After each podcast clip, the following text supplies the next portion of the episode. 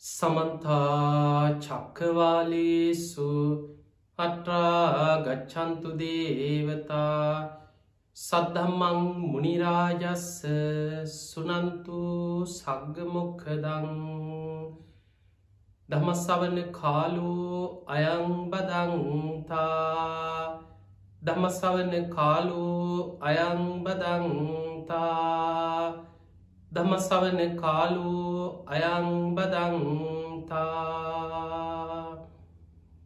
නමුතස්සේ භගවතු වරහතු සම්මා සම්බුද්ධස්ස නමුතස්සේ භගවතු වරහතු සම්මා සම්බුද්ධස්ස නමුතස්සේ භගවතු වරහතු සම්මා සම්බුද්ධස්ස හැම දිනාටම තෙරුවන්සන්න ප්‍රාර්ථනා කරමින් අද ඔබ හැම දෙනෙක්ම ඔබේ ජීවිතයට ඉතාම වැදගත් ධර්මකාරණා රැසක් ශ්‍රවණය කරන්නයි මේ ධර්මශ්‍රවනයත් එක් එකතුයි. විශේෂෙන් කළම්ම ටෙලිවිෂන් මේ සඳහම් විකාශය ඔස්සේ ලක්වාසී ලොවාසී හැම දෙනාටම විසුරවා හැරෙන මේ දායකත්ත ධර්ම දේශන අතර අද මේ ධර්ම දේශනාවේ පින්බර දායකත්ති දරන්නේ කැනඩාවේ පදිංචි අප්සරා මහත්මිය සහ නිහාල් ප්‍රණෑන්ඩු මහත්මා විසින්. අද මේ ධර්මදානමේ පින්ක මේ පින්බරදායකත්ති දරන්නේ අප්සරා මහත්මිය සහ නිහාල් ප්‍රණෑන්ඩු මහත්මා කැනඩාවේ පදිංචි. එතුමන්ගේ උතු මරමුණු අතර සඳහන් වෙන තම දරුවන්ට නිදුක් නීරෝගි සම්පත්තිය තුළුවන්ගේ ආශිර්වාදයම සැලසේවා කියන ප්‍රාර්ථනය. සුජීවත්ත සින්න පවුලි හැම දෙනාටමත් සියලු ලෝවාසී හැම දෙනාටමත් දේශකයන් වහන්සේටත් උනුරුවන්ගේ ආශිර්වාදය සැලසේවා කියන උතුම් ප්‍රාර්ථනාව තියේම නගේ කැනඩාව පදිංච අපසරා මහත්මිය නිහාල් ප්‍රණෑන්ඩ මහත්මායේ දරුවන් නැතුරු පවුලි හැම දෙනාටම මේ උතුම් ධර්මදානමේ පින නිවන් අවබෝධයටම ආශිර්වාදයක් පාරමිතාවක් වේවා කියල අපි මුලින්ම ආශිර්වාද ප්‍රාර්ථනා කරනවා.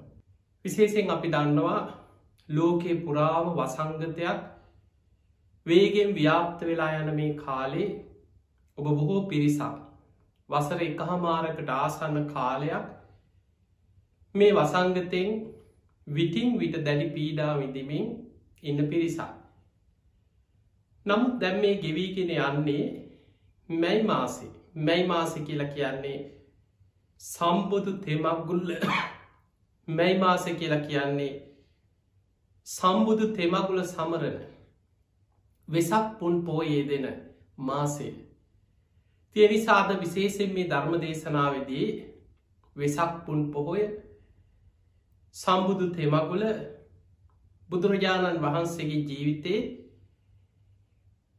බෝසත් උපත හා බැදිච්ච සුවිශේෂී කාරණා රැසක් අද මේ ධර්මාණු ශාසනාවද අපි ඔබට සද්ධාව ඇතිවන ඔබ දැනගත යුතු බුදුරජාණන් වහන්සේ ගැන හිත් පහදවාගත්ත යුතු සුවිශේෂී කාරණා කීපයක් අද මේ ධර්මාණු ශාසනාව තුළ අපි කතා කරන්න කල්පනා කර. පිංහතුනේ බුද්ධෝ හවේ කප්ප සතයහි දුල්ල බෝ කියනවා.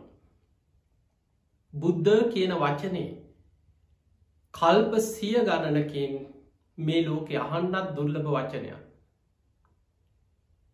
ඒ නිසා ලෝකෙ බුදු කෙනෙක් පහළ වෙනවා කියලා කියන්නේ අතිශයින්ම දුර්ලබයි. එක හිතාගන්නවත් පුළුවන් දෙයක් නෙමේ. මේ ලෝකෙ දුර්ලභම කාරණ අතර බුද්ධෝත් පාදේ බුදු කෙනෙක් ලෝකෙ පහළවීම අතිශයින්ම දුර්ලභ කාරණය. ඔබ දන්නවා සාරා සංකීය කල්ප ලක්ෂයක් පුංචි කාලයක් නෙවෙයි. අපේ බෝසතාණන් වහන්සේ සුමේද තාපසයන් වහන්සේ හැටියට දීපංකර පාදමූලි විවරණ ගත්තේ. මීට සාරා සංකීය කල්ප ලක්ෂයකට පෙර. එදා ඉදං දාන සීල නයිස්ක්‍රම්ය ප්‍රඥා වීරිය කන්ති සච්චා අධිට්ඨාන මෛත්‍රී උපෙක්කා මේ දස පාරමී ධර්ම පාරමී හැටියට උපපාරමී හැටියට පරමත්ත පාරමී හැටියට සම්පූර්ණ කරලා මේ මහා බඩ්ඩ කල්පේ හතරවෙනි බුදුරජාණන් වහන්සේ හැටියට ඔබත් මම සරණ ගිය අපේ ගෞතම බුදුරජාණන් වහන්සේ සම්මා සම්බුද්ධත්වයට පත්වෙන්. මේ සාරා සංකේය කල්ප ලක්ෂය මහා කල්පවලින් ගත්තොත් අසංකේය හතරකුත් කල්ප ලක්ෂය මේ දීර්ඝ කාලයේ මේ ලෝකෙ පහළ වෙලා තියෙන බුදුරජාණන් වහන්සේලා විසි හතර නමක් පමණයි. සූවිසි බුදුවරු ගැන බහල ඇති. දීපංකර පාදමූලේ ඉදං අපේ ගෞතම බුදුරජාණන් වහන්සේ බුද්ධත්වය දක්වා විවරණ ගත්ත. ඒ බුදුරජාණන් වහන්සේලා තමයි සූවිසි බුදුරු හැටියට හඳුන්වන්න. ඊළඟට ඔබ දන්නවා සත්බුදුවරු ගැන අපි කතා වෙනවා. සත්බුදුවරු. ඒ කල්ප අනුව එකක් තුළ මේ ලෝකයේ ආසන්නම මේ කාලේ පහළ වෙලා තියෙන විපස්සි සිකී වෙස්සබූ කකුසඳ කෝනාගමන කාශ්‍යප ගෞතම කියන මෙන්න මේ බුදුරජාණන් වහන්සේලා හත් නම සත් බුදුරු හැටියට අපි හඳුන්නනවා. එනිසා තමයි සත්බුදු වන්දනා සත්බුදු පූජා බොහෝ සූට දේශනාවල බුදුරජාණන් වහන්සේ අතීතයම් කරුණක් විස්තර කරද්දි කල්ප අනුව එකක් ආපස්සට බලන.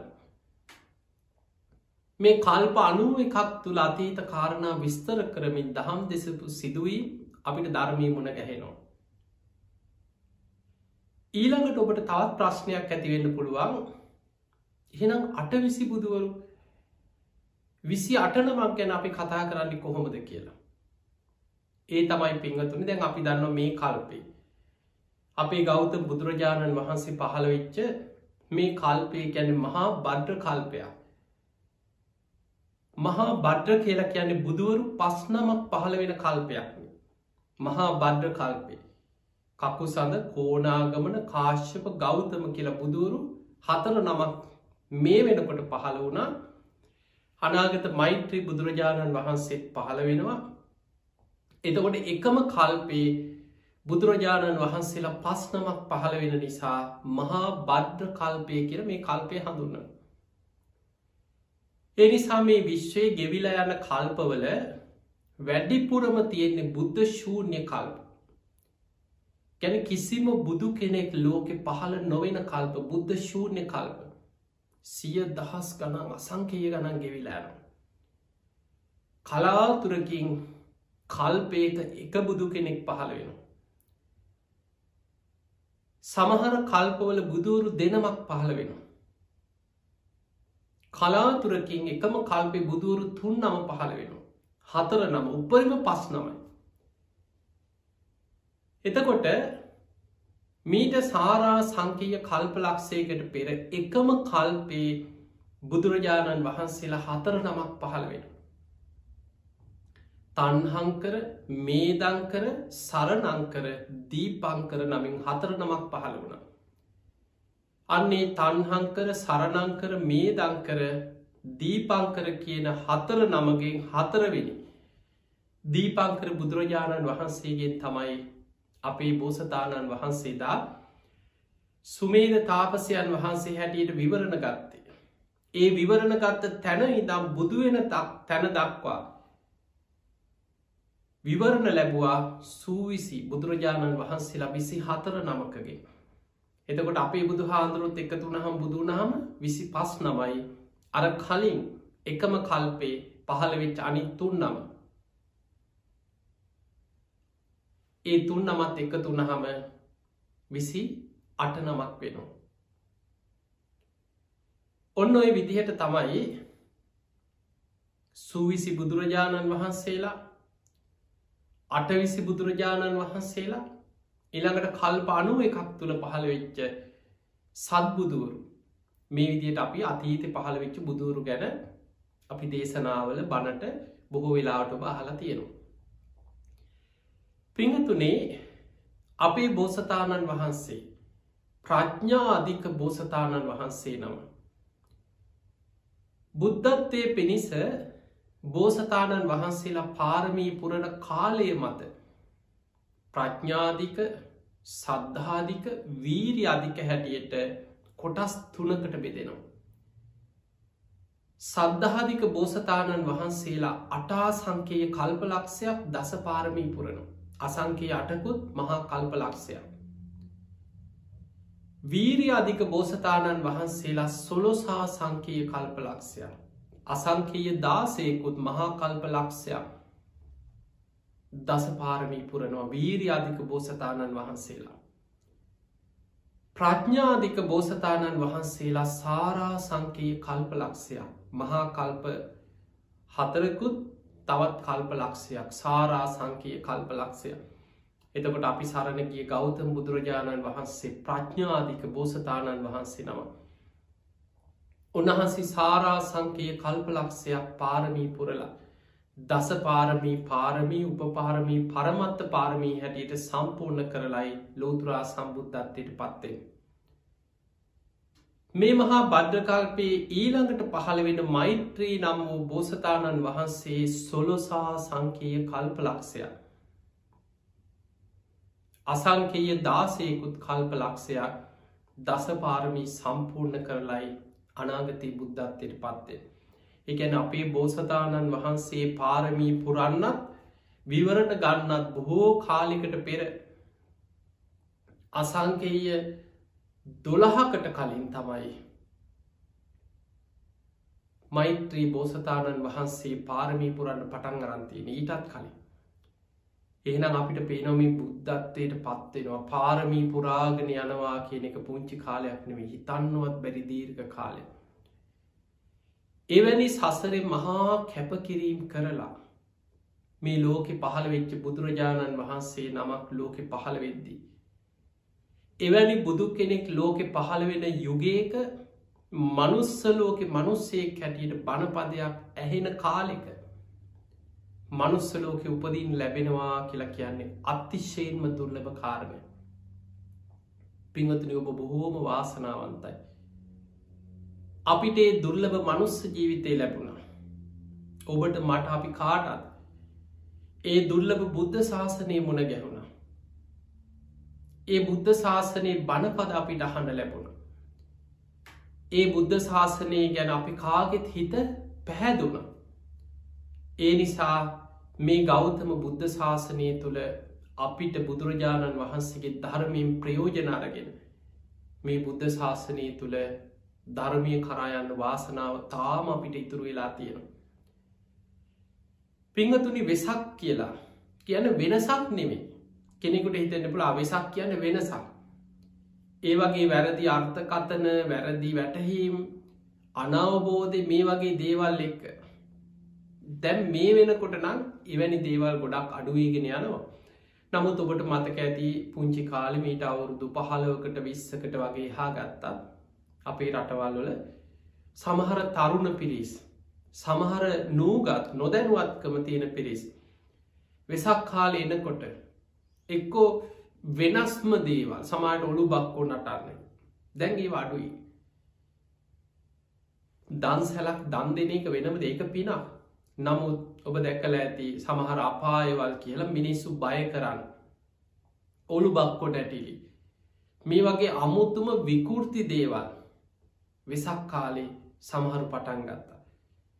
ධර්මයට එකඟ නැති බුද්ධ ශාසනයත් එක කොහෙත්ම ගල පණ්ඩ බැරි දේවල්. පිංහතුනී සැබෑ බෞද්ධයෙක් හැටියට බුදුරජාණන් වහන්සේ සරණගිය ධර්මය සරණගිය ශ්‍රාවක සංඝයා සරණගිය සැබෑම බෞද්ධයෙක් හැටියට වෙසක් මාසේ වෙසක් සතිය වෙසක් දිනවල ඔබ ධර්මානුකූලව හැසිරෙනවනම් ඔබ ප්‍රතිපක්තියෙන් බුදුරජාණන් වහන්සේ පුදන් ඒක තමයි බුදුරජාණන් වහන්සේ අගේ කරන්න. දැම් බලන්න අපේ බුදුරජාණන් වහන්සේ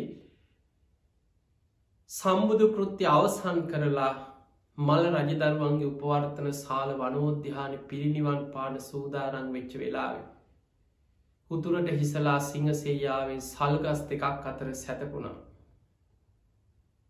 ඒ අවට තිබිච්ච සල්ගස්වල අතු ඉබේම බුදුරජාණන් වහන්සේ දෙසට නැමිලා අකලට සල්මල් පිපිලා ඒ මල් බුදුරජාණන් වහන්සේ දෙසට කඩා හැලෙන්ට පටන්ගත්ත.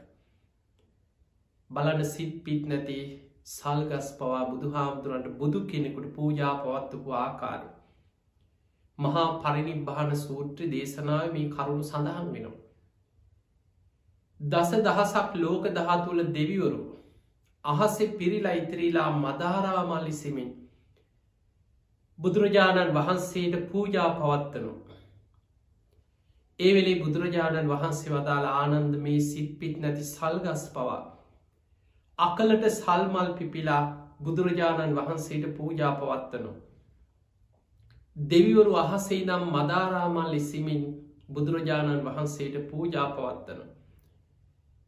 නමුත් ආනන්දය බුදු කෙනෙක් වෙනුවෙන් කළ යුතු නියම පූජාව ප්‍රතිපක්ති ධර්මී හැසිරීමයි.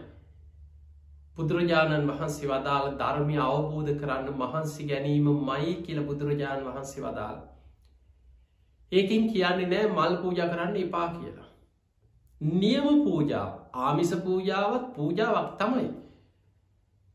සාමාන්‍යෙන් අපි බුදුන් වදිනවා බුදුගුණ සිහි කරනවා මල් පූජ කරනවා ගිලම් පස පූජ කරනවා ඒ තුළ අපේ හිතේ සද්ධාව තුනුරුවන් ගැන ඇති වෙනවා. මයි සද්ධහමත්තම් පේමමත්තන් සබ්බේතයේ සග පරායනු සද්ධහා මාත්‍රයක් ප්‍රේම මාත්‍රයක් හිතේ ඇති වුණත් ඒ සියලු දෙනාට සුගතිගාමීවෙන් බුදු කෙනෙක් ගැන ඇතිවෙච්ච සද්ධාව හේතුවෙනවා කියල බුදුරජාණන් වහන්සේ දේශනා කරා. හැබැයි බුදු කෙනෙක් වෙනුවෙන් කළ යුතු නියම පූජාව තමයි ප්‍රතිපක්තිය. ඒ බුදුරජාණන් වහන්සේ වදාළ ධර්මයට අනුකූලව ජීවත්වීම. දම්මානු දම්ම ප්‍රතිපදාවෙන් යුක්තවීම ධර්මය තුළ හැසිරීම. එනිසා පිංගතුනී මේ කාලෙ අපි දන්නොත් දැම් මේ ලෝකීම පැතිරීගෙන යන වසංගතය මේ වෛරසය ලෝකෙ බොහෝ රටවල් විශාල අවධානමකට ලක්වෙච්ච වෙලාව සමහර ප්‍රදේශ මිනිස්සුන්ගේ ගමනා ගමනට තියෙන අවස්ථාව වහලා හුද කලා කරල සමහර රටවල් ලොක් ඩවන්් කළ සමහර නගර සමහර ප්‍රදේශ වෙනද වගේ පන්සලකට ගිහිල් අපිට වෙසක් වෙනුවෙන් පින්කං කරන්න බණහන්න මේ කටයුතුවලේ දෙන්න වෙසක් සැරසිලි බලන්න වෙසක් කලාප මේව නැති වෙන්න පුළුව ලංකාව විතරක් නෙමේ අපි දන්නවා මේ වෙනකොට අපේ ලංකාවෙත් මේ වසංගතය ආයමත් වැඩිවීගෙන පැතිරීගෙන යන නිසා. ඉදිරි මාස දෙක තුන බොහෝම ආරක්ෂිතව අපිට ගමම් බිමන් සීමා කරගෙන අපි ආරක්ෂාව හදාගෙන අපේ ප්‍රියයන් අපි වටාඉන්න හැමෝම ආරක්ෂා කරගෙන ඔබට හුද කලාව බොහෝ පිරිසකට සෙනග ගැවසින තැන්වල එකතුවමින් කටයුතු කරන්න බැරි කාලය.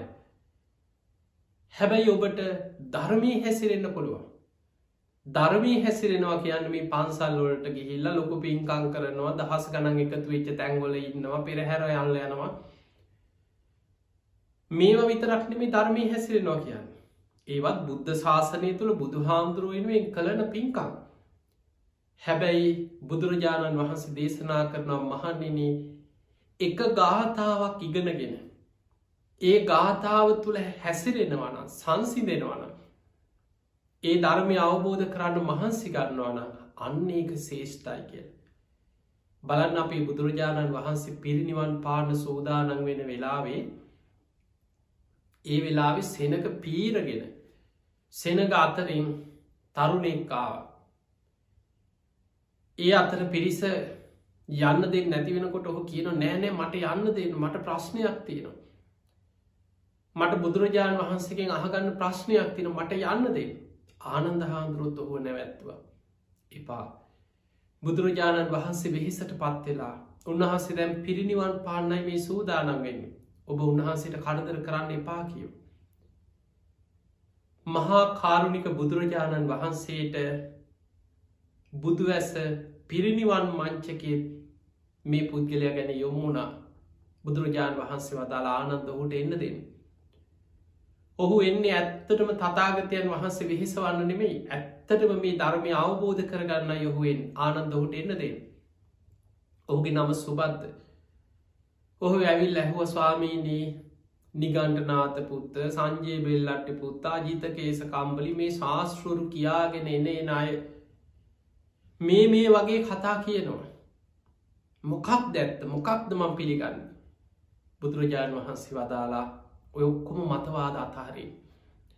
සුබද්ධ යම් ශාසනයක යම් තැනක ආර්යෂ්ඨායික මාර්ගයේ තියෙනවද. ඒ මාර්ගයේ වඩන පිරිසක් ඉන්නවද. පළවෙනි ශ්‍රමණයා වන සෝවාන් කෙනා ඒ ශාසනය තුළින් පහළ වෙන. දෙවනි ශ්‍රමණය වන සකදාගාමී කෙනා පහළ වෙනවා තුන්ගනි ශ්‍රමණය වන අනාගාමී කෙනා පහළ වෙනවා. හතරවෙනි ශ්‍රමණය වන රහතන් වහන්සේල පහළ වෙනවා. මේ සම්බුද්ධ ශාසනයේ නිවනට තියෙන එකම මග ආර්යෂ්ඨායක මාර්ගය ඒ මාර්ගය වඩන් බුදුරජාණන් වහන්සේ පිරිනිවන් මංචකේ වැඩඉඳලා ආර්යෂ්ඨායික මාර්ගය ගැන කෙටියෙන් හකුලෝලා මේ කියපු බණටික අහපු සුබද්ධ කල්පනා කරා බුදුරජාණන් වහන්සේ පිරිනිවන් පාන්න දැන් සූදානන්වෙන්. මං මේ වෙලාවෙ උන්වහන්සේ පිරිනිවන් පාන්න පෙර කොහොම හරි මේ ධර්මය මන් දැම්ම අවබෝධ කරගන්න.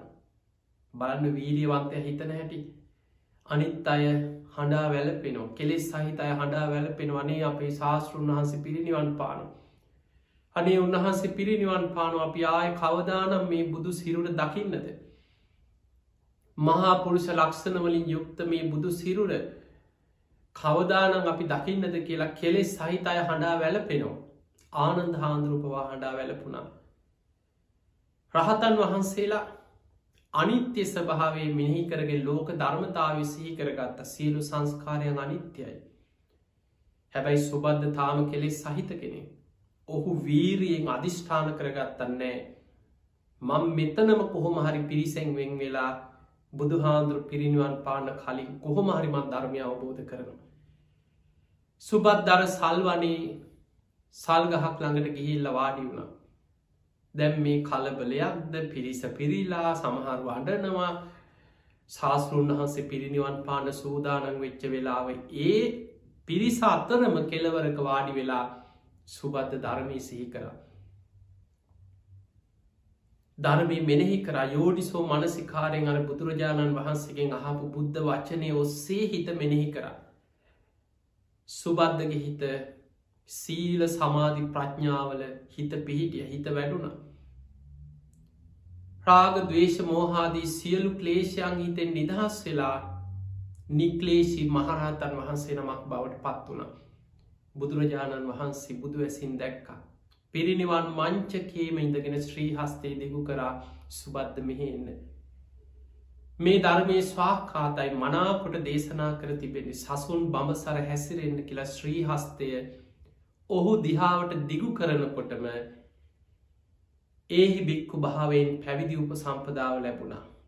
අර ගිහි ඇදුම් වස්ට්‍ර කෙස්ටැවුල් ඉවත් වෙලා ඉරදි මේ පැවිද්දක් එක බුදු කෙනෙකුට පමණක් ලබල දෙන්න පුළුවන් පැවිද්ද.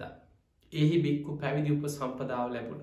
ඒ තමයි බුදුරජාණන් වහන්සේ පිරිනිවන් පාන්න පෙර උන්වහන්සේ වැඩ සිටිද්දී රහත් වෙච්ච අවසාන රහතන් වහන්සේ බුදුහාන්දුරු වැඩ සිටිද්දී ඒ තමයි සුබද්ධ මහරහතන් වහන්සේ. ඒ නිසා පිංහතුනි මේ මොහොතේ ඔබ මේ අසීරු වෙලාවේ තමට පන්සල්වලට යන්න විදියක් නෑ පින්කං කරන්න විදියක් නෑ වන්දනාවක යන්න විදියක් නෑ සිල්ගන්න විදියක් නෑ කෙනෙකුට මේ විසක් එකටත් අපිට සිල්ගන්න නැති වෙනවාද? මේක තමයි ලෝකිස භාවේ බුදුවරු පහළ වෙලා පෙන්නල දෙන්නේ සියලු සංස්කාරයන් අනිත්‍යයි. සබ්බේ සංකාර අනිච්චාති සියලු සංස්කාරයන් දුකයි සබ්බේ සංකාරා දුක්කා සියලු ධර්මයන් අනාත්මයි සබ්බේ දම්මා අනත්තාති ඒක නේදම අපි බුක්ති විදින් මේ දකිින් ලෝකයේ තුළ. පිංහතුනි අපි බලමු බුදු කෙනෙක් ලෝකෙට පහළ වෙනකොට සිදුවෙන ආශ්චරයමත් කරුණු කීපයක්. බෝසතාණන් වහන්සේලා පාරමී සම්පූර්ණ කරලා උපදින්නේ තුසිත දෙව්ලෝ එක හැම බෝසතාණන් වහන්සේ නමකටම සාධාරණයි. ඒ වෙලාවේ දෙවිවරු එකතු වෙලා මහාවීර බෝසතාණන් වහන්සේට ආරාධනා කරනවා. කාලෝ යන්තේ මහාවීර මහාවීරයන් වහන්ස ඔබහන්සිට දැන් කාලයයි. උපපජ්ජ මාතු කුච්චියා මිනිස් මව්කුසක උපදින්න. සදේව කන්තාරයන්තෝ බුද්ධස්ව අමතම් පදා ඒ අමුෘත වූ නිවන අවබෝධ කරගෙන. දෙව් මිනිස් ලෝකයා සසර දුකින් එතර කරවන සේක්වා කියලා ආරාධනා කරන. ඒ ආරාධනී පිළි අරගෙන දෙවියන්ගේ ආරාධනී ලැබුණට පස්සේ තමයි බෝසතාණන් වහන්සේ ලෝකෙ දිහා බලන්න බුදු කෙනෙක් පහළ වෙන සුදුසු කාලයක්ද දැම් මනුලව තියෙන්නේ. මොනවගේ දේශයක්ද මොනවගේ දීපයක්ද ඒ වෙනුවෙන් සුදුසු කල්ප ලක්ෂයක් පාරමී පුරපු බෝසත් අම්ම කෙනෙක් ලෝකෙ දැන් ඉපදිලා ඉන්නවා. ඒ අම්මගේ ආවිෂ මාස දහයකුත් දින හතක් ඉතිරිවතියදී තමයි බෝසතාණන් වහන්සේ දෙව්ලොවින් චුත වෙලා පින්වන්ත මෑණියන්ගේ කුස පිළිසිඳ ගන්න. එතකොට පිංහතුනේ දෙවියන්ගේ ආරාධනය ලැබුණට පස්සෙ තමයි කාලය දීපය දේශය කුලේ මව මේ පස් මහා බැලුම් බලලා එදාපේ බෝසතාණන් වහන්සේ තුසිත දෙව්ලොවින් චුත වෙලා පින්වන්ත මහාමායා දේවිය කුස පිරිසිඳ ගත්ත. ඊළඟට මේ හා බැදිච්ච ආශ්චරය කාරණා ගොඩාක් ධර්මය සඳහන් වෙනවා. දීගනිකාතිනම් මහා ප්‍රධාන සූත්‍රය. බෝසතාණන් වහන්සේ නමක් දෙව්ලොවින් චුත වෙන්නේ මනා සිහිනුවනින් යුක්තවයි. මවකුස පිළිසිඳ ගන්නේ මනා සිහිනුවනින් යුක්තවයි. මාස දහයක් මවකුසේ වැඩෙන්නේ මනා සිහිනුවනින් යුක්තෝමයි.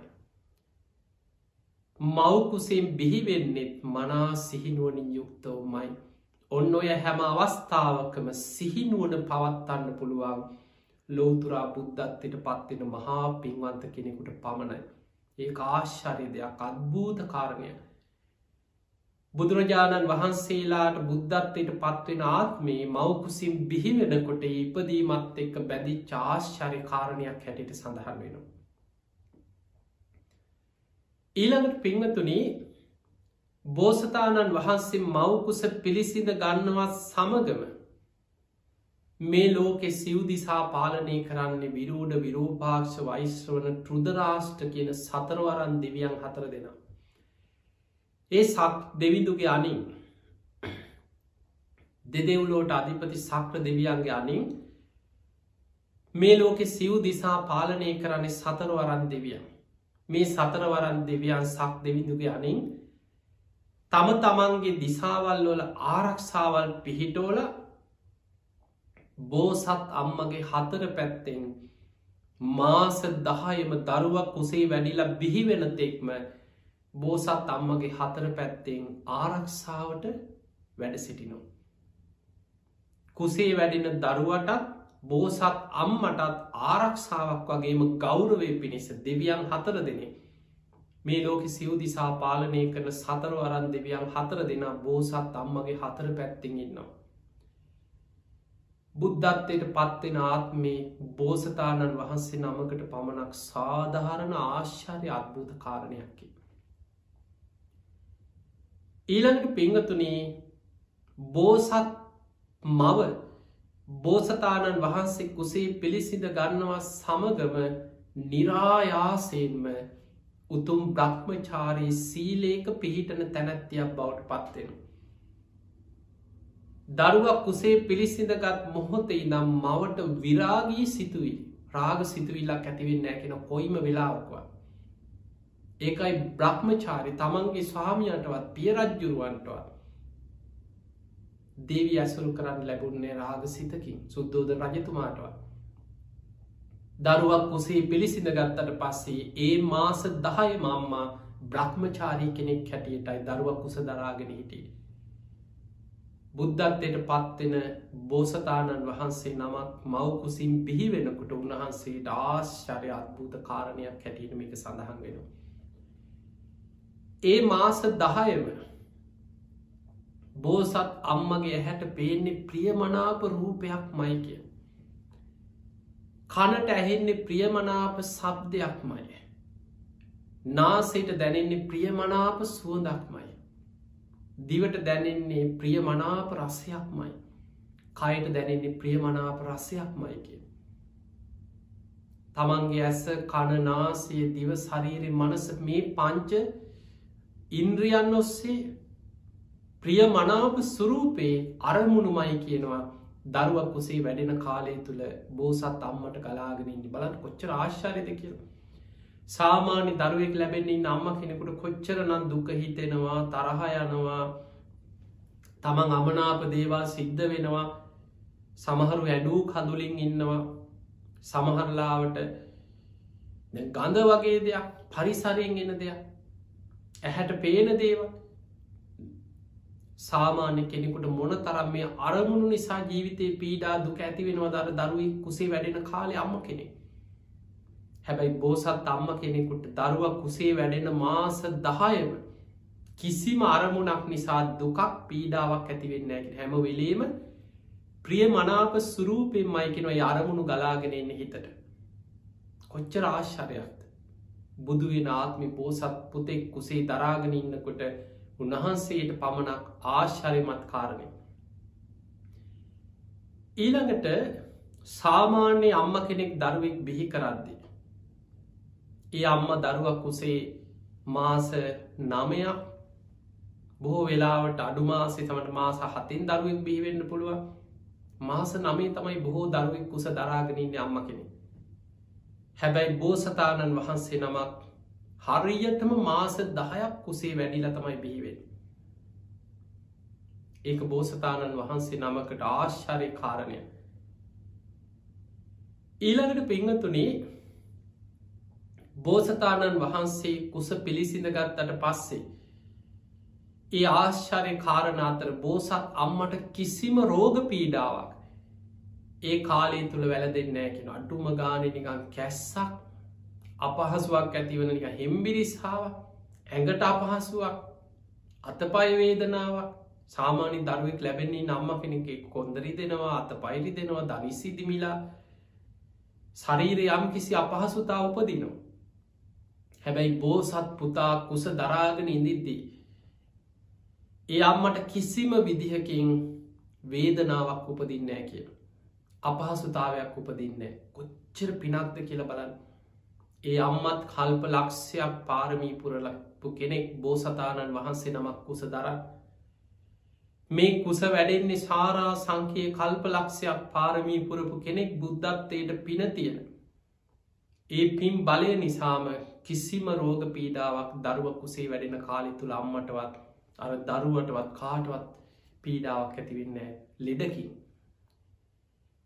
ඊළඟට සාමාන්‍යෙන් ඔබ දන්නවා දරුවෙක් බිහි කරද්දි අම්ම කෙනෙක් මොන තරඟ වේදනා විදිනවද විශාල වේදනාව සමහර අම්මල දරුව බිහි කරන්න ගිහිල්ලා මිය යන අවස්ථා තියෙන වර්තමානය යම් යම් වෛද්‍ය විද්‍යාව දියුණුවත් එක්ක ඒ මාට්‍රූ මරණ අනුපාතයම් පහළ මට්ටමක තිබුණට අතීත බොහෝ මව්වරු දරුව බිහි කරන්න ගිහිල්ලා මිය ගියා විශාල වේදනාවක්.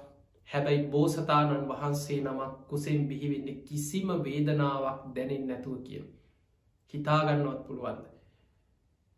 සාමාන්‍ය දරුවෙක් බිහි කරන ඉරියව්වෙන් නෙමෙයි බෝසතාණන් වහන්සේ නමක් බිහිවෙන් ඊළඟට තවාශ්චරි කාරණයක් තමයි බෝසත් අම්මා කුසදිහා බලද්දී තමන්ට පුුණ්‍ය ඉරදියක් ලැබෙනවා දරුව කුසේ වැඩෙන කාලය තුළ හරියට රන් පලස්සක තැබූ මැනිකක් වගේ.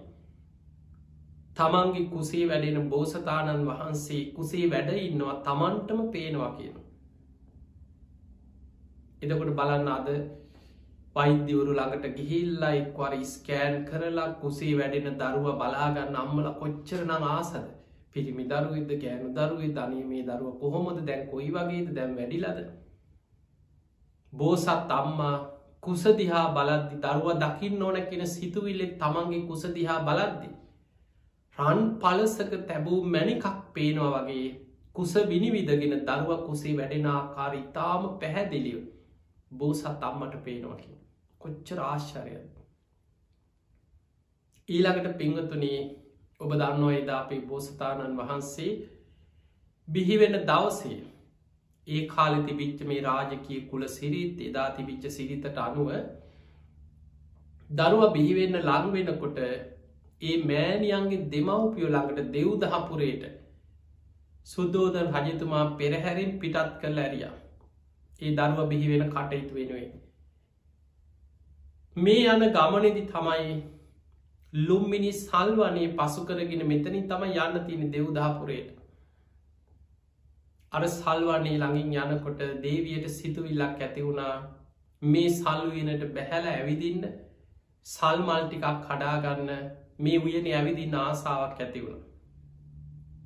අර දෝලා ඔසගෙන යන ඔසවගෙන යන පිරිසට දැනුම් දුන්නට පස්සේ තමන්ගේ පරිවාර සේවිකාවන් එක්ක දෝලාවෙන් බැහැල දැන් අර උයනේ ඇවිදිනවා. මෙහෙම යනකොට තමයි සල්මල් පිපිච්ච සල්ගහක් දැකලා මේ ගහළඟට ගිහිල්ලා අත්තක තියෙනවා මල් පිරිලා දැන් ඔබට හිතේ ලංකාව අපි මේ සල් කියල දකින්නේ ඇත්තනම සල්ගස් නෙමෙයේ. ඒ වෙන වර්ගයක් ඒ මල නිකන් සල්මල වගේ වුණාට ඒ ගහ සල්ගසක් නෙමෙයි. ලංකාවේ සල්ගස්වල අපි සල් කියලා හිතාගෙන ඉන්න ලංකාවි තියෙන සල්ගස්වල කඳේ තමයි මල්ලේ. හැබැයි එදා නියම සල්ගස්වල අතුවල අතු කෙලවර තමයි මල්කිපෙන්.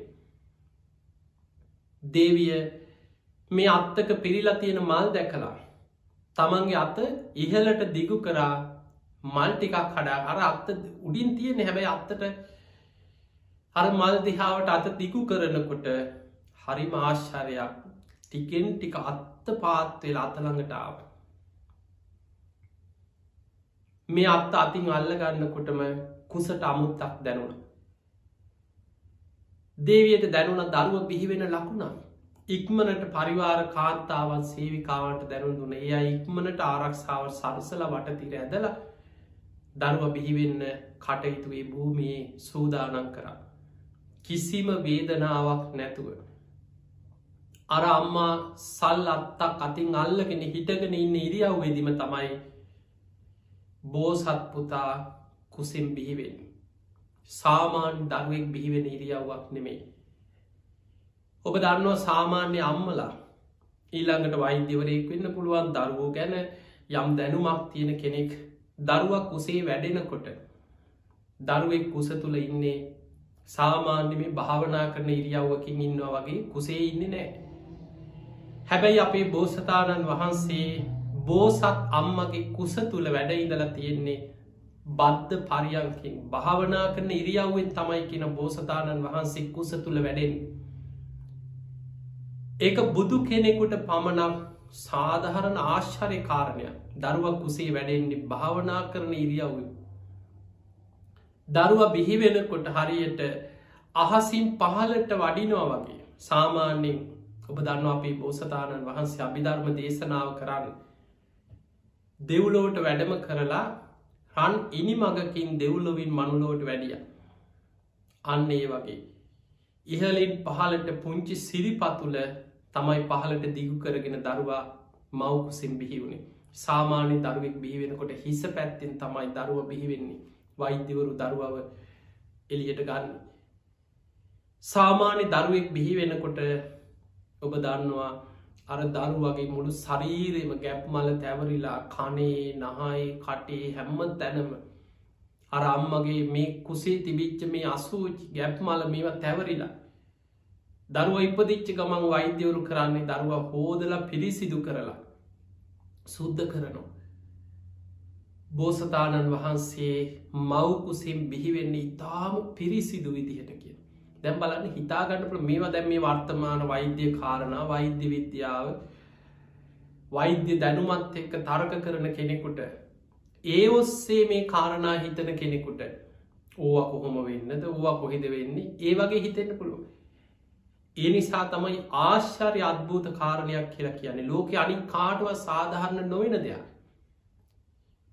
බුදු කෙනෙකුට පමණක් ඒත් හැමාත්මිකම නෙමේ බුදුවෙන ආත්මී උන්වහන්සේ පාරමී පුරාගෙන බෝසතාණන් වහන්සේ හැටියට ආපු හැමාත්මිකම සිද්ධ වෙච්ච දෙයක් නෙමේ.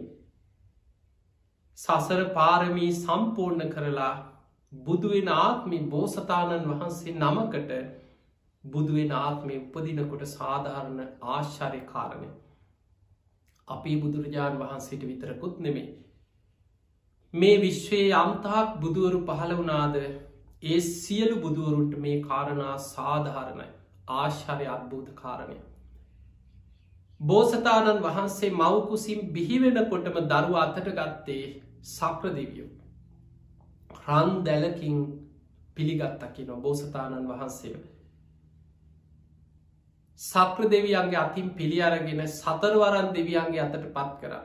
අර බෝසත් අම්මගේ හතර පැත්තෙන් ආරක්ෂාවට හිතපු සතරවරන් දෙවියන්ගේ අතට පිළිවලින් බෝසත් පුතාව පත් කරන.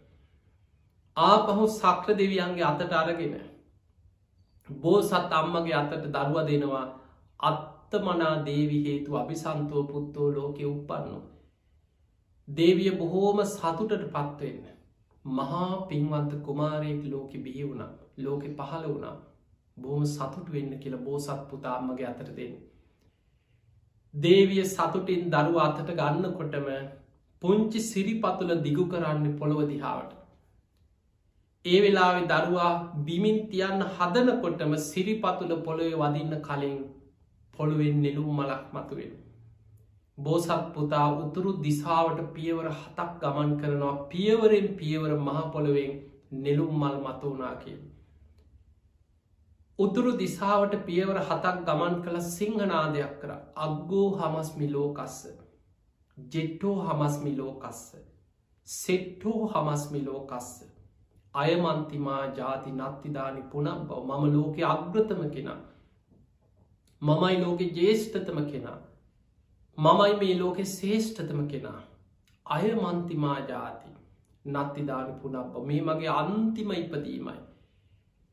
මෙයින් මතු ඉපදීමක් නැත කියලා සිංහනාදයක් කරගෙනමයි ලෝකෙ පහළ වුණේ පිංහතුනේ දීර්ඝ සසරි පාරමී පුරාගෙනෙන ආත්ම භාවල අපේ බෝසතාණන් වහන්සේ ආත්ම තුනක් ඉපදිච්ච ගමන් කතා කරා කියලා ඉතිහාස පොත්තුල ධර්ම පොත්තර ජාතක පොතේ සඳහන් වෙනවා.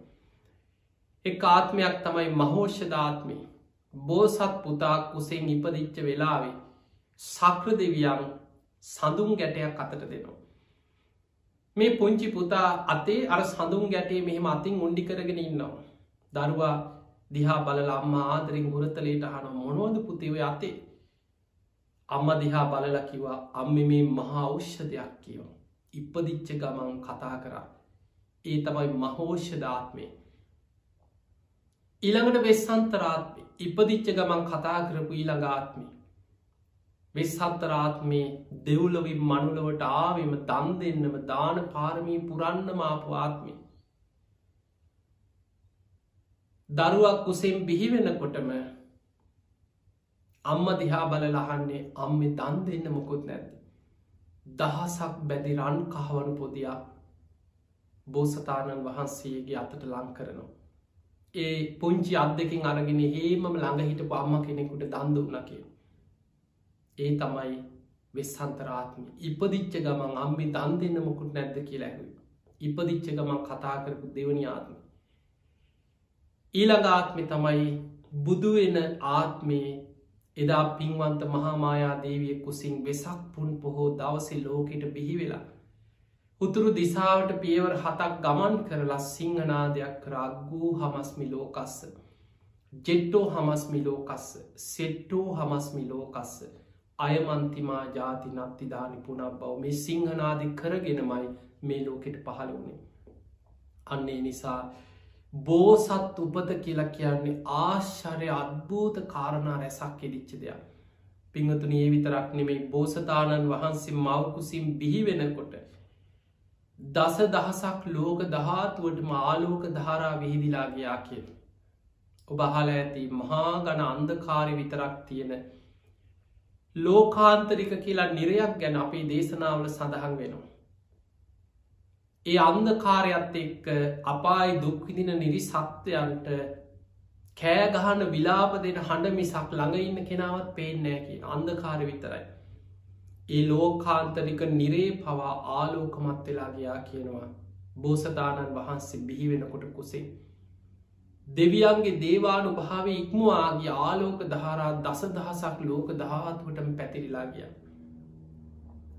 දෙවිවරු සාධකාරදිදී බෝමාට දෙවියන්ගේ දං අක්කනිටා බමලවට දෙවරු ප්‍රීතිකෝසා කරන්න පටන්ගත්ත මහා වීරයන් වහන්සේ මවකුසින් බිහි වුණ. දෙව්මිනිස් ලෝකයාට නිවන් මග පෙන්නල දෙන මහා වීරයන් වහන්සේ ලෝකෙ පහළ වනා කියල. බෝසතාණන් වහන්සේ මවපුසින් බිහිවෙච්ච වෙලායම අහසිෙන් උනුදිය දහරකුත් ඇල්දිය දහරකුත් මතු වෙලා මේ දෙක අහසේම එකට මිශ්‍ර වෙලා බෝසත් අම්මවත් පුතාවත් දෝවනය වුනා කියල සඳහන්වෙන්. එදකොට මේ වගේ මහා ආශ්චරය කාරණා රැසක් යෙදිච්ච පුන් පොහොයක් තමයි ඉදිරියේ ළඟලගම අපිටෙන් තිය නිසා අපි දන්නවා කෙනෙකුට හිත අපි සාමාන්‍යෙන් ගත්තොත් දෙදස් දහනමේ වර්ෂය අපි දන්නවා පාස්කු බෝම්භ ප්‍රහාරය අප්‍රේල් මාසයේ ලංකාවේ සිදුවනාට පස්සේ අප්‍රේල් විසි එක වෙසක් පොසොන් ඇසලොය මාස තුනේම අපේ පන්සල් අපේ ආයතන ධර්මදේශනා පින්කං ඔක්කොම නැවැත්තුව. පූජනය තැන්වලටත් බෝම්භ ප්‍රහාර එල්ලවේ කියලා පොලිසිය යොදලා ඒ දවස්වල ඔබට මතක ඇති ඔබ ඔබේ දරුව පාසැල්ල අද අම්මල තාත්තල ගිහිලා ස්කෝලයි නම් මුර කරා මාරුව මාරුවට බයි ඒ නිසා දෙදස් දහනමේත් වෙසක් පොසෝනාදී පින්කං අපිට නැති වෙලා ගිය. ගිය අවුරුදු දෙදස් විස්සේ. මේ කාලෙ වෙනකොට මාස තුන හතරක් එක දිගට මේ වෛරසේ නිසාම රට ලොක් ඩවන්් කරලා ඇදිරනීතිය දාලා ඒත් වෙසක් පොසොන්නාදී පින්කන් සියල් පවත්වන්න බැරි කාලයක් ඇතිවුණ. ආයමත් පිට පිට තුන්වෙනි වතාවටත් දෙදස් විසියකි සමාට මේ වෙනකොට ඔබ හිතාගෙනින් නැතින අපිට දැන්නංග මේ කඩු වෙලා යනෝ දැන් ඉස්සරහට හරි අපිට ආයිපින්කං කරන්න පුළුවන්. හැබැයි අනපේක්ෂිත විදිහට. අපි කවුරුත් නොසිතපු විදිහට. ඒක තමයි ලෝකි ස්භාවේ අපි බලාපොරොත්තු විච්ච දේ වෙන වනෙමේ ආයමත් මේ භයානක වෛරසේ තවත් දරුණු විදිහට පැතිරෙන් ආරම්භ වෙලා. ඒ නිසා අපිට ඉදිරි මාසවල ඉදිරි දිනවල තව මාස ගණනාවක් වෙන්න පුළුව අපි කවුරුත් කැපකිරින් කළ යුතුයි. ඒ නිසා ඔබ නිවෙස් හොලටම වෙලා බණහන්. ඔබට ඕන තරක් ගුවන් විදිලි රූපවාහිනී මාධ්‍ය ඔස්සේ ධර්මය ශ්‍රවණය කරන්න අවස්ථාව තියෙනවා. අහපු ධර්මි මෙච්චර කාලයක් අවුරුදු ගානක් අහපු බණ දැන්ව බවංකෝ ප්‍රායෝගිකෝ පුරුදු කරන්න උත්සාහයක් ගන්න. අවංකෝ පන්සිල් රකින්න ගෙදරට වෙලා හිටිය. ඒ සික්ෂාපද ගැන සීයෙන් ඉන්න. මෛත්‍රිය වඩන්. පිනාතර අග්‍රම පින තමයි මෛත්‍රී. මේ වෙලාවේ අපි මේ දකින දේවල් අපේ අසල් වැසි රටවල් වල මිනිස්සු මැරිල්ල පාරවල් දිගේ දරගොඩවල් ගහ පුච්චන හැට තැන් තැන්වල පාරවල් ඉස්පිරිතාල ඉස්සරහ මිනිස්සු පණයන හැට මේවා දකින්නකොට මිනිස්සුන්ට මරණ සතිය වැඩෙන්න්න ඕනේ. ඒ නිසා මරණය ගැන සිහි කරන්න. මට කවදක්වොතන කොයි මොහොතේ මේ වගේ අවාසනාවන් තිර නමකට මෝන දෙන්න වේ කවුද අපි දන්නේ. ඒ නිසා ජීවිතයේ හැම වෙලාවෙම ඒ හැම මොහොතකම ධර්මී හිත පිහිටවාගෙන අප්‍රමාදීව ධර්මාවබෝධයට උත්සාහ කරන ඉතින් අද දවස ඔබට මේ ඉදිරියේන වෙසක් මාසය මේ වෙසක් දින කීපයත් එක්ක වෙසක් සතියත් එක්ක බෝසතාණන් වහන්සේගේ ඉපදීම හා බැඳි චාශ්චරිමත් කාරණා එකතු කරගෙන යද මේ ධර්ම දේශනාව කර ඉතින් ඉදිරියේ මාසවල ධර්ම දේශනා ඉදිරි ධර්ම දේශනාවලත් අපිට සද්ධහා ඇති වෙන කාරණ අපි ඔබට ධර්ම දේශනාවලදි මාතෘකා කරන්න කල්පනා කරනවා තිං ඔබ නිතර බුදුගුණ හිතන්න තුනුරුවන් වන්දනා කරන්න බුදුගුණ කියන්නේ මහා පිනක් මරණ මංචකේ බුදුගුණ මාත්‍රයක් සිහි වුණොත්. කරපු දහසක් කකුසල් යටපත් කරගෙන මරණ මංචකේ හිත කුසලේක පිහිටවන්න නම් බුදුගුණ මනසිකාරය තරන් දෙයක් මේ ධර්මී විස්තර වෙන්නේ. ඒ නිසා බුදුහාමුදුරු බුදු මුවින්ම දේශනා කරා මයි සද්ධහමත්තම් පීමමත්තන් සබ්බේතයේ සංග පරායු. මහනිනි සද්ධහා මාත්‍රයක් ප්‍රේම මාත්‍රයක් කෙනෙක්ගේ හිතේ ඇති වුණොත් බුදුරජාණන් වහන්සේ ගැන සබ්බීතයේ සංග පරායනගේ සියලු දෙනා සුගති පරායන වෙනවා. තිය නිසා අවංකෝම සද්ධාව දියුණු කරන්න හිතට එකඟව අවංකව සිල් රකින්. ප්‍රායෝගිකව ධර්මී පුරුදු කරන ප්‍රතිපක්තිය හැසිරෙන බෞද්ධෙක් බවට පත්තේ ඔබ හැම දෙනාටම නිදුක් නීරෝගී සම්පත්තිය සැලසේවා තුනුරුවන්ගේ ආශිර්වාදී සැලසේවා මේ පවතින වසංගත තත්ත්වය ඉදිරියේ ඔබට ඔබේ ප්‍රියයන්ට හැම දෙනාටම ලක්වාසි ලෝවාසි හැම දෙනාටම තමන්ගේ ආරක්ෂාව සලසකින අන්න අයවත් ආරක්ෂාව සලසමින් ගුණධර්ම පුරාගෙන ධර්මානුකුළු ආරක්ෂාවෙන් අපි හැම දෙනාටම වාසනාව ලැබේවා ලැබේවා ලැබේවා කියල අපි හදවතින්ම හැම දෙනාටම ආශිර්වාද කරනවා. පිංහතුනේ අද මේ ධර්මශ්‍රවනින් ඔබ රැස් කරගස් සියලු පින් සියලු දෙවියෝ සාධු කාරදිදී මේ පින් අනුමෝදන් වෙත්වා දෙවියන්ගේ පිහිට රැකවරන ආශිර්වාදය ඔබ හැම දෙනාටම සැලසේවා කියල අපි ආශිර්වාද කරනවා. ඒ වගේ මද දායකත්තේ දැරු කැනඩාවේ පදිංචි අපසරා මහත්මිය නිහාල් ප්‍රනාාන්ඩ මහත්මා ඇතුළු ඒ පවුලි හැම දිනාට මස් සියලු දෙවියන්ගේ පිහිට රැකවන තුනුරුවන්ගේ ආශිර්වාදය සැලසේවා කියලපි ආශිර්වාද කරනවා. ඒ අයගේ උතුම් අරමුණු අතර සඳහන් වෙන්නේ තමන්ගේ දරුවන්ට නිදුක් නීරෝගේ සම්පත්තිය තුනුරුවන්ගේ ආශිර්වාදයම සැලසේවා කියෙන ආශිර්වාදය. සුජීවත්ව ඉන්න පවුලි හැම දෙනාටමත් සියලු ලෝවාසී ලක්වාසී හැම දෙනාටමත් ධර්ම දේශකයන් වහන්සේටත් තුනුරුවන්ගේ ආශිර්වාදය සැලසේවා කින උතුම් ප්‍රාර්ථනාව. තිගේමනා සිහිපත් කරගන්න ඔබ හැම දෙනාගෙම මිය පරලෝගේ සියලු ඥාති විශේසිෙන් අද දායකත්ති දරු පිංහතුන්ගේ පරම්පරාගත මියගේ සියලු ඥාතීන් බණහප ඔබ නමින් මියගේ ඥාතීන් සාධකාරදිදී මේ පින් අනුමෝදන් වෙත්වා. ඒ අයගෙත් පරලව ජීවිත සැපවත්තේවා සූපත්තේවා සංසාරදුකින් අතමිදේවා කියල සාදු කියල පින් දෙන්න. ඔබ හැම දෙනාටමත් කැනඩාවේ පදිංචි අපසරා මහත්මිය නිහාල් ප්‍රනාාන්දු මහත්මා තමන්ගේ දූ දරුවන් ඥාතීන් සුජීවත්ව ඉන්න පවුලල හැම දෙනාමත් බණඇසූ සියලු දෙනාමත් කළම් ටෙලිවිෂන් මෙත් කාරය මණ්ඩලේ දරුවන් සියලු දෙනාමත් නිදුක්කේවා නිරෝගිවේවා සූපත්තේවා තුනුරුවන්ගේ අනන්ත ආශිර්වාද රැකවරන හැම දෙනාටම සැලසේවා. ගන්න හෙළෙන හුස්මරැල්ලක් පාසා තමන තමන පීවරක් පාසා තුනුරුවන්ගේ අනන්ත ආශිර්වාද රැකවන සැලසේවා. හැම දෙනාට මුතුම් ධර්මාවබෝධය පිණිස මේ පින ආශිර්වාදයක් වේවා කියලපි ආශිර්වාද කරන.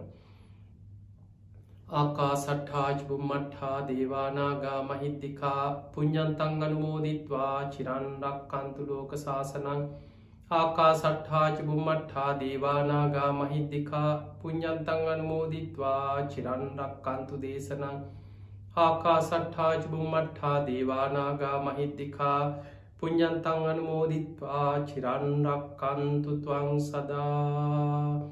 හැම දෙනාටම සම්මා සම්බුදු සරණයි.